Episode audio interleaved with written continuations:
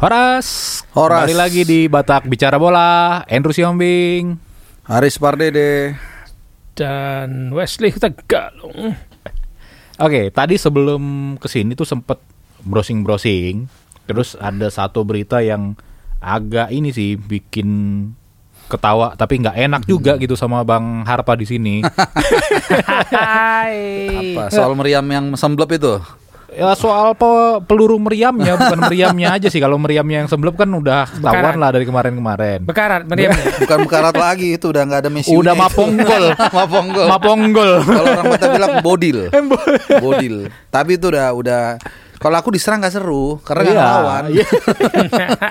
Nggak, tapi yang yang lucu Harus adalah ada Laisitorus yang Ah, itu baru ganas tuh. La- Dundang dulu Laisitorus itu bah. Ah. Yang lucu adalah eh, buat gue lah paling nggak ya. Ozil bilang eh, dia pengen bawa Arsenal finish di zona Liga Champion musim ini. Wah, langsung ditembak Gitu temanya kan. ke aku ya. Eh, iya, mau gimana lagi? Oke oke boleh. yang yang lucunya adalah kalau ngelihat klasmen sekarang minimal buatku itu sekali lagi ya minimal buatku lucunya adalah ketika melihat klasmen sekarang Arsenal itu poinnya 3-1. ya kan? Zo, eh, tim terakhir yang sekarang di Liga Champion itu di zona Liga Champion di Liga Inggris itu Chelsea poinnya 4-1 artinya selisihnya 10 poin kan. Hmm. Tiga pertandingan lebih. Eh enggak Sama, sama, sama. Iya, Enggak. sama. Sama. Nilai nilainya tiga Oh, pertandingan iya, kan oh, iya, iya, sembilan setara, kalau ya. menang terus Sepuluh, selisih poinnya 10. Seandainya lawannya kalah Ah. kalah terus masih ada Spurs di atasnya. Betul.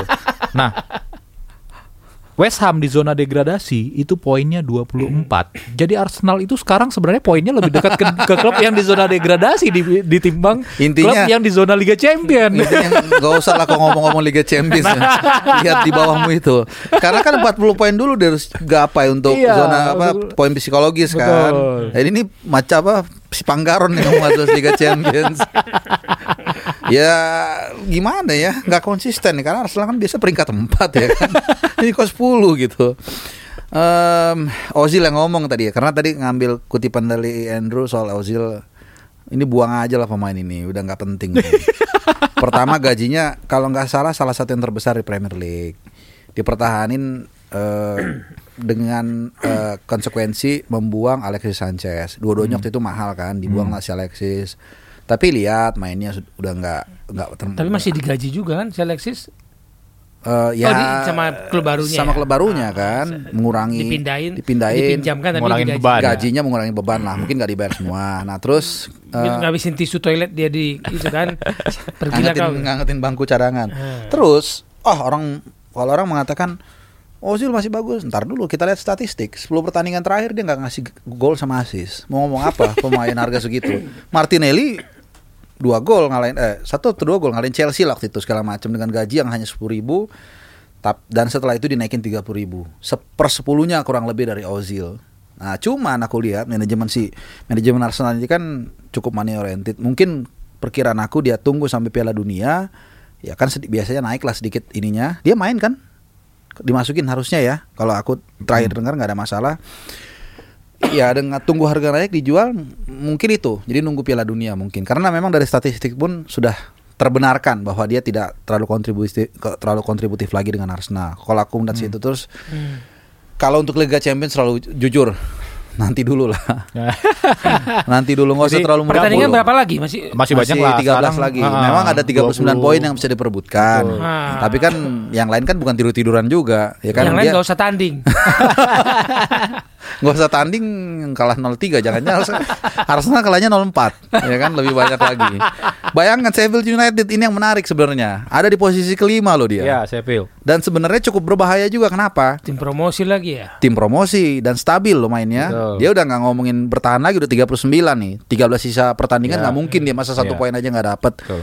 Nah, kalau kita bagi persentase eh, Liga Champions, ini mungkin sekitar 67% udah punya punya tiga tim. Jadi sisanya tuh di luar Hmm. ya Liverpool City 99,9% lah Ya. pasti masuk Liga Champions. Nah, Leicester. Leicester di di layar ke berikutnya. Hmm. Ya, wa- wa- walaupun dia punya kans yang cukup besar pole position tapi tetap dia ya cukup besar lah tapi tetap masih ada kemungkinan dengan Sheffield United beda 10 kan. Ya jauh tapi masih bisa lah atau dengan uh, Hotspur beda 12. Tapi memang dia cukup besar belum. Makanya aku, aku, aku katakan 60-70% udah di booking eh, tiga tim lah kurang lebih. Sisanya satu satu satu tempat ini mungkin diperebutkan antara Chelsea, Sheffield United sampai Spurs. Ya MU nggak tahu ya, MU sekarang peringkat ke-8 eh, poin 35 beda 6 dengan Chelsea mungkin masih bisa juga ya karena apa pun masih bisa terjadi jadi intinya di luar Liverpool City dan Leicester peluang untuk masuk Liga Champions sangat kecil lah jadi nggak usah ngomong Arsenal dulu Ndru tuh jauh, jauh itu makanya nggak aku sebutin tadi sampai MU lah terakhir itu Tapi aku lihat ini ya dari data eh, transfer ini, dari value market market value klub-klub ini, tahu nggak klub yang market value-nya paling rendah di Premier League? Hmm. Sheffield United. Oh. Oh iya, karena gini, masuk akal. Kenapa? Karena setelah promosi hampir tidak banyak perubahan yang dibikin. Ada sih, kalau nggak salah eh, tiga empat pemain cukup mahal, tapi cukup mahal buat klub itu kan dari EFL kan Cukup mahal buat mereka. buat mereka, buat mereka yang dari EFL. Ya, jadi Buat tim ke Liverpool remeh-temeh Iya ada ya. artinya, lebih peanuts itu kan. Nah kalau kita lihat dari belakang segala macam, itu timnya memang sebagian besar kerangkanya masih dari yang EFL. Bahkan seorang Billy Sharp aja, striker itu udah 34 tahun, memang sengaja dipertahankan karena punya spirit apa ya, akamsinya situ lah. A- a- pemain asli dari Sheffield sudah udah lama. Tapi memang ada beberapa beberapa apa namanya eh, tantangan buat dia. Kayak kipernya kan punya MU sebenarnya Dan Henderson dipinjemin dan bagus tampilnya. Kalau itu dibalikin lagi kan dia harus mulai mikir cari kiper yang baru. Tapi ya kalau memang mereka bisa tembus ke Liga Champions ya luar biasa lah menurut aku ya. Iya. Kalau bisa dan aku sih terus terang agak-agak berharap juga karena menarik yang lihat tim-tim yang kayak gitu di Iya, Liga tapi Champions. Jangan kayak dulu belajar dari Spanyol. Ingat kan, Bro? Eh, Sociedad ya. Real Betis. Betis. Oh.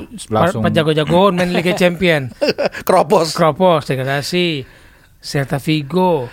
Bahkan Deportivo. Leeds juga kan Leeds kalau di Inggris ya dulu kan Iya. sempat dia nggak bisa tapi aku yakin kalau Inggris agak beda mungkin bang ya karena eh, mark eh, bukan market share tapi eh, pembagian uang mereka kan udah cukup besar sekarang jadi aku rasa sih mereka masih bisa compete lah ya eh, di di kalaupun mereka lolos kalau di La Liga kan memang beda Peng- penghasilan mereka jomplang kan ya bisa apa Madrid sama ya Barcelona tapi kalau di di Liga Inggris aku rasa enggak lah gitu Ya aku kebayang ya kalau seandainya Sheffield United masuk ya. Total market value mereka tuh 128 juta pound. Nah. Kalau mereka masuk Liga Champion, at least kalau masuk fase grup mereka udah dapat uang serat eh, berapa? ini? Puluhan lah, puluhan, belasan, puluhan. Eh, masuk ininya serat 15 juta euro. Itu langsung fee awal. Fee masuk fase grup. Terus nanti kalau Belum per kemenangan dapat lagi 2,7 juta. seri dapat juga itu sedikit. Nggak ada market value-nya lewat gitu aja tuh. Nggak dianggap lagi itu market value-nya harga nilai pemainnya dengan bonus dari Liga Champions. Iya sebenarnya kalau dia masuk Liga Champions nggak ada masalah. Dia udah langsung dapat duit segitu. Ya. Di fase grup pun dia tersingkir udah dapat dia ngantongin sekitar Lumayan mungkin ya. 15 sampai du- dan jangan lupa lu juga efek eh, ball apa snowball efeknya kan. Berarti tiga pertandingan home. Tapi kan biasanya Tiket kalau ya. Hmm, biasanya kan tiket. tiket. dan biasanya kalau orang Sponsor. pertandingan sponsor, Betul. TV dan biasanya kalau lagi ada pertandingan itu orang akan lebih banyak ke merchant store untuk beli. Apalagi kalau menang. Itu ngaruh tuh. Apalagi kalau segrupnya misalkan dengan Barcelona atau dengan mending langsung begitu harapannya Iya kan? sekalian. Sekalian kalah tapi Sekalian kalah tapi dapat duitnya besar. Ya. Jadi Hmm. Itu sih kalau menurut aku Hanya ya. memang masalahnya yang banyak bikin tim-tim ini tiba-tiba di musim berikutnya itu apa di ketika dia main di Liga Championnya hancur eh, bu sebenarnya karena apa ya ketika mereka tampil bagus di musim ini Hmm. eh, pemain-pemainnya yang ini langsung di Dijual. oleh klub-klub gede gitu Iya. kan Langsung dipindah. langsung pindah biasanya yang Iya, seperti bisa jadi itu itu. yang bikin mereka Jadi hancur. eh nah Kayak beda Ajax lah ya. Ya, ya itu paling ekstrim. Ajax emang emang tujuan hidup Tujuannya dia jual untuk menjual pemain. Iya. Itu sama kayak Dortmund sekarang. Konsepsi kebahagiaan pengelola Iya. Ajax adalah menjual pemain. Menjual Iya, dan dia pemainnya bahagia gitu. kalau dilihat pemainnya sukses di klub lain. Iya. Itu. Tapi Tapi kalau memang udah, udah tua balik lagi ya gitu. ya kalau udah satu dua tahun lagi lah. Tapi memang eh, nah ini menarik kalau sedikit kita bergeser ke Italia, ke Atalanta. Atalanta masih stabil musim ini. Ya. Nah ternyata kalau aku lihat menurut aku, correct me if I'm wrong atau argue me kalau nggak sepakat. Dia itu permainannya Bahasa- kolektif. Taruto. Permainannya kolektif. Jadi kalau dia udah kalau nggak salah ada satu atau dua pemain udah jual, tapi pemain dia tetap main lawan Fiorentina dihajar, main lawan Milan dihajar segala macem. Nah ini yang membedakan kita nggak tahu nih. Kalau Sheffield United agak mirip eh, komposisi apa kerangka bermainnya. Nggak ada pemain yang benar-benar menonjol. Gak ada bintang. Nggak ada terlalu ada Gitu ya. bintang. Siapa coba? Strikernya juga ganti-ganti. Si McBurney, si Billy Sharp. Lini keduanya juga si Lundstram juga so-so nggak nggak ada dia pun kemarin 2-3 pertandingan Sheffield tetap perform di belakang juga trio mereka merata jadi ini yang aku aku bilang kalau Sheffield United bisa lolos aku yakin mereka akan bisa tetap paling nggak bertahan di Premier League lah asal pelatihnya tetap Chris Wilder ya Ya kalau kalau buatku juga menariknya adalah ketika eh, apa ya di antara tiga tadi kan tiga udah jelas nih. Iya, Eh, kalau kita sepakat ya. Liverpool City udah Terutama Liverpool City lah, gitu. 99 persen Iya. gitu kan. Kemudian Leicester katakan 60-70 persen Iya. sudah ini. Betul. Artinya kan persaingan untuk satu tempat lagi itu ada antara Chelsea, Sheffield, eh, Sheffield Spurs. sama Tottenham kan gitu Ya, kan. mungkin MU lah Eh, ya oke lah katakan karena mungkin- beda 6 mungkin- poin aja masih bisa itu Ya, ngejar kalau lumayan. ini Mm. Nah kalau kalau kita Tapi lihat MU begitu. Iya dengan permainan Kan. mereka agak agak banyak fansnya biar gitu. inilah mereka dengar ya. MU masih bisa lolos Oh, senang senang kali didengar. ya kasih kayak tadi pemain titipan satu lah kasih lanjut Kalau- terus Kalau kita batasin ketiga tadi lah, Ah, apa oke. namanya eh, Chelsea, Tot- Tottenham sama Sheffield. Hmm. Sheffield punya apa ya keuntungan juga gitu. Salah satunya mereka fokusnya memang hanya di Hanya Premier. League gitu Satu, kan. Setuju. iya. Chelsea Tottenham mereka masih harus main di Champions, Champions, kan iya. gitu. Iya. Kemudian kalau kita lihat juga statistiknya, seenggaknya dia lebih baik dibanding Tottenham dalam urusan pertandingan away. hmm. Dia kemenangan dia di pertandingan away Premier League itu 30-an persen. Chelsea Si Sheffield. Sheffield, oh. Sheffield. Hmm. Eh, kalau Chelsea memang sedikit di atas, tapi Iya. kan itu tadi gangguan Chelsea adalah Liga Champion gitu Spurs kan cuma jadwalnya. dua kali kan. Spurs cuma dua kali menang di Menang Away. di away. Iya, iya. Itu satu faktor Eh, yang ada nggak di era si Mourinho? Weh era Mourinho kayaknya ada deh ada terakhir. ada dia kan awal-awal tuh menang berkali berapa kali tuh Hmm. banyak Nah itu jadi salah satu keunggulannya eh, ini juga Sheffield juga gitu yang memperbesar yang yang bisa jadi menentukan apa ya kans dia untuk tiket dia nanti main di Liga Champion dan menariknya adalah kalau nggak salah di pekan kedua terakhir itu ketemu deh Ce- Eh, Sheffield sama Tottenham. Oke, itu bisa jadi penentu juga ya. Iya. Kalau nggak salah ya, coba kita cek. Hmm, Nah itu oh, jadwal Ding. sangat mempengaruhi Iya, ini iya. sih peluang Siapa yang lolos atau enggak siapa ya? ya?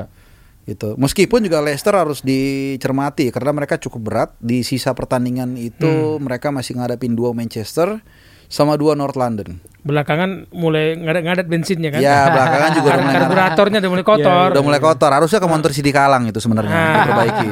Bisa Oh enggak ding, Eh, ini awal eh, April ding Sheffield lawan eh, ini Tottenham. Sheffield Eh, itu Sheffield terakhir bisa ini Southampton, Everton. Hmm, oh, Southampton. Iya, berarti Chelsea dan Leicester dia beru- berturut-turut. eh, Akhir April dan awal awal Nah, itu Mei. ujian itu. Nah, Itu oke ujiannya. berarti gini lah. Sisi lain dari Premier League yang sudah selesai ini adalah kita masih bisa melihat perjuangan tim-tim yang masuk Liga Champions. Oh iya, itu. Masih banyak tim eh, pertandingan-pertandingan yang seru gitu loh untuk masuk ke Liga Champions. Karena kalau Liverpool kan udah udah gaya orang-orang ini mau milih milih tempat di mana kita mau juara katanya. Tapi memang layak sih emang.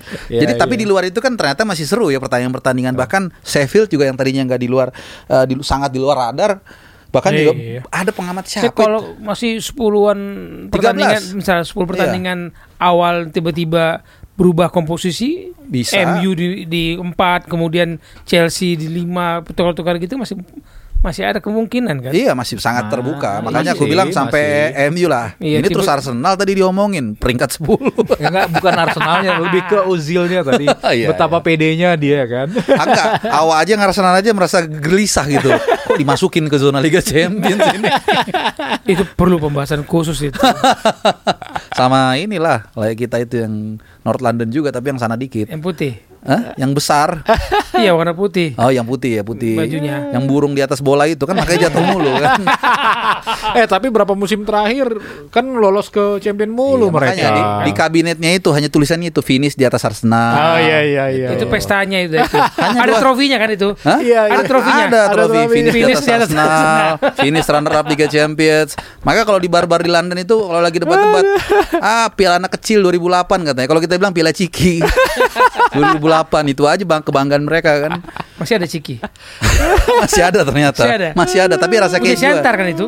Ah itu lupa aku. Siantar itu. Iya, bisa lah sponsor di sini. Ciki bos. Pas kemarin aku ke puncak, pas kita bercanda-bercanda nyari Ciki masih ada ya. Aku jadi ke Ciki ini ya. Itulah. Piala Ciki. Tapi gitulah artinya eh, keseruan IPL ini masih masih ada lah dan Masih ada ya. Mas melihat dari sisi yang lain. Jadi melihat dari sisi yang lain. ja- kan kalau dulu zamannya awak nonton bola itu apa pun beritanya kita nikmati. Hmm. Kita kalau apa kayak sekarang kalau nggak tim kesayangan jadi nggak baca beritanya. Iya, iya betul jadi betul. ketutup lah. Jadi ketika dia penggemar Liverpool bagi dia misalkan Liverpool sudah juara selesai sudah kompetisi. Hmm. Iya kan? Nah, kalau kita penikmat sepak bola ya harusnya masih ada sisi-sisi lain yang menarik misalkan Leicester perjuangan bersama Chelsea, Sheffield tadi atau Arsenal tadi. Iya. Bagaimana Ta- masih hidupnya? Tapi kalau Leicester itu aku lihat kuncinya cuman cuman satu dia. Kalau sam kalau eh, sebenarnya di Wilfried Ndidi Hmm. ya eh, jadi berapa pertandingan awal itu mereka kan luar biasa kan. Itu bu- peran Sindidi ini ya sangat sentral sebenarnya kayak kayak kantenya lah. Dan waktu dia mulai eh, turun penampilannya itu salah satunya gara-gara win- eh, dia mulai cedera. Artinya emang di pemain yang jaga menjaga keseimbangan eh, ya pada umumnya lah gelandang pertahan. Jadi dan kemarin dia mulai cedera lagi, makanya mulai mesinnya baru mulai bagus diganti karburatornya mulai cedera lagi, hancur lagi, Hmm. tersendat-sendat lagi gitu. Jadi kalau kalau Leicester kuncinya itu. Kalau Didi balik menurut aku dia punya peluang. Kalau Chelsea sebenarnya kalau kulihat eh Lampard ini agak masih kan transisi sebenarnya tim kan. Pemainnya transisi, pelatihnya transisi, formasi Waktu Lampard masuk kan gak ada pemain dia beli kan. Iya nggak ada. Eh si Dia hanya bawa pemain Pulisic dari itu akademi, dari yang kan? sebelumnya. Ya benar-benar. Abraham, Dia si nggak dikasih pemain Rhys belanja James, kan belum boleh belanja waktu itu. Iya belum. Ya. Fika, eh, Fikayo Tomori. Nah dia masih mencari bentuk kalau menurut aku sampai dengan detik ini. Kenapa? Karena di awal-awal eh, di di awal-awal dia pakai duet back misalnya si Tomori sama eh, si Kurzoma. Hmm. Terus memang lumayan bagus, tapi nggak stabil, nggak konsisten. Dia ganti lagi sekarang. Rudiger memang balik dari cedera ya. Tapi di eh, duetin sama Christensen gol cocok. dia. Jadi berubah-ubah mulu. Hmm. nggak ada yang firm. Tapi susah lah kalau aku lihat tim yang tidak nggak punya formasi tim yang tetap dari minggu ke minggu bisa untuk Komposisi yang fix Iya, ya. nah ini ini adalah final pace buat mereka nih. Februari, Maret, April. Iya. Kalau memang komposisi benar-benar yang terbaik, artinya nggak ada perubahan lagi dan memang perform, mungkin mereka yang bisa menyodok di peringkat 4 Ya udah udah cukup lah ya ininya waktunya buat Lampard udah cukup untuk uh, utak atik itu udah lah ya harusnya Iya, ya. kalau untuk masuk zona Liga Champions harusnya cukup lah mereka. Kalau untuk bicara juara mungkin butuh 2 3 tahun. Karena butuh eh, apa namanya adaptasi pemain-pemain baru itu kan. Oke, setelah Liverpool City, jadi siapa tiganya? Ya Leicester, Chelsea, Chelsea. ya Ah, Drew, Leicester Chelsea atau Ce- Leicester sih, Leicester dan satu lagi. Ya, enggak sih kayaknya Leicester Chelsea sih. Lebih Ya, gede karena- sih peluangnya ya. ya Chelsea juga lu Tottenham ya ke Europa League aja lah. Ya, ka- tapi sebenarnya kalau kita lihat dari tim-tim itu ya yang paling butuh masuk Liga zona Liga Champions itu Spurs sebenarnya. Oh, duit mereka kan habis habis kan. Hmm. Stadion. Stadion segala macam. Kalau kita dan lihat- karakter Mourinho beli pemain kan. ya Dia butuh duit buat beli pemain. ya sebenarnya kalau dari aku sih mikirnya seru juga kalau Spurs masuk Liga Champions ya. Artinya eh, karakternya Mourinho kan selalu menarik ya untuk kita Hmm. ikutin komen-komennya. Kalau Sheffield United sih seru karena kuda hitamnya Kuda aja hitam. gitu. Iya. Jadi seru lah eh, Ce- eh, either apakah itu Leicester, Chelsea atau Sheffield bahkan juga Spurs masih menarik lah untuk siapa pun yang masuk punya punya X factor masing-masing lah. ya, ya. Ya Gitu. cukup lah berarti kalau kita lihat Sheffield kalau masuk Liga Champions aku ngerinya musim depannya habis. Hancur. Degradasi, karena banget ini. Gaya main ketika di Liga Champions, gaya main di Premier League beda-beda kan. Betul. Begitu main di Liga Champions, astaga. Tactical gamenya tiba-tiba dari yang dari Spanyol, dari Iya, dari Taktikal game kepada Itali, padat, padatnya gitu kan. jadwal itu kan sering jadi masalah buat tim-tim yang seperti Sheffield ini kan. Mereka nggak terbiasa tiba-tiba harus main di eh, Hmm, apa midweek main lagi Pas tiga kali lagu seminggu lagu itu kan lagu himne champion langsung langsung kencing di celana. Iya, gigil dia. grogi. Ah. tapi tapi pengen tahu juga kadang-kadang maksudnya naluri aku kalau misalnya ada kesempatan misalnya United Hmm. lolos terus bisa ada kesempatan justru aku pengen wawancarain mereka loh. Oh kayak iya, pengen tahu iya. gimana sih kayak Billy Sharp misalnya nih ya, dia Hmm. umur udah 34. Ya ketika tahun lalu umur 33 dia main di Sheffield, jangankan lolos ke Premier League mungkin impian maksimum dia lah. Dia nggak kebayang Hmm. Tiba-tiba misalnya main di Champions gitu ya. Iya, kurang dari 24 Di papan bulan. atas udah udah mimpi besar ini dia di papan atas. I- Iya, mungkin dia nggak nggak bermimpi papan atas mungkin dia. Mungkin dia pikir ah gua lolos oke bisa lah habis itu bertahan mungkin di papan Iya. bawah. Ini di papan atas dan mungkin lolos Liga Champions. Begitu dia dengar yang Bang Wes bilang, denger himne Liga Champions, kita yang nonton di rumah sambil minum kopi aja. Kadang-kadang oh gitu kan. Ya, maksudnya kita semua udah punya pengalaman lah lihat dengar langsung itu di stadion kan rasanya kan merinding. Beda. Padahal di di bagaimana dia kalau main kan Iya, gitu. Kadang-kadang iya, ya pengen tahu juga gitu tapi ya who knows sih siapa yang lolosin nggak pernah tahu juga Atalanta juga musim lalu nggak ada yang nggak ada yang memprediksi lolos Jadi kita tunggu lah ya Sheffield Sheffield, Les- eh, Leicester, Chelsea atau ya Tottenham? kalau kalau Sheffield kalau gini kalau Chelsea lolos kurasa itu nggak jadi isu biasa lah. biasa tapi kalau Sheffield United lolos bisa jadi satu topik itu nanti bulan Hmm. bulan bulan Mei itu Betul, betul, betul. Jadi orang-orang harus tahu bahwa Siapa seluruh ini seluruh Sheffield pemain ini? apa pemain eh, Sheffield itu harganya te- paling rendah se Premier League. 120 sekian Ya harga ini ya 120 seluruh valuasinya pemainnya, kan? valuasinya. Iya. Ngeri kali kalau di Se- setengahnya hampir setengahnya si Neymar ya Neymar kan 222 kan mereka cuma 128 juta pound. Kalau dibandingkan City itu berapa Sa- 1,1 satu miliar dol- Jangan-jangan Pound, satu pound. pemain City Ngeri kali. Satu pemain City ada yang ini, ada yang harganya lebih mahal daripada seluruh. Oh ada kan? Aguero Aguero Ya kan? valuasinya berapa ya Ini kan mereka berapa? Tadi 100 berapa tadi? 120-an, 128. 128. Nah, kita Ah. kita lihat si City nih. Si Ya, City ini kan tua. Po City pemain paling mahal siapa? eh De Bruyne paling atau De Bruyne atau Aguero paling itu. Aguero. Market value-nya. Tapi nggak sampai Ah, lah aku rasa market 120-an. value. Paling sera- paling 80. Udah tua juga Aguero kan. De Bruyne mungkin yang 80 90. Raheem Sterling Berapa? 144. Oh 144. ya, tapi kan valuasi Ya, tadi klubnya berapa? Sheffield United. 128. 128 lah, 128. La- la- 90 persennya lah kurang lebih ya. Nah, 80 90 satu pemain Satu orang City, aja City. lebih mahal dari seluruh pemain Sterling Sheffield. dibanding Sterling ya. Ah, Sterling. Dan kalau mereka masuk Liga Champion, angkat topi lah kita. Iyalah. Kita tunggu lah ya. Sih, menarik sih. Siap. Oke. Horas. Horas.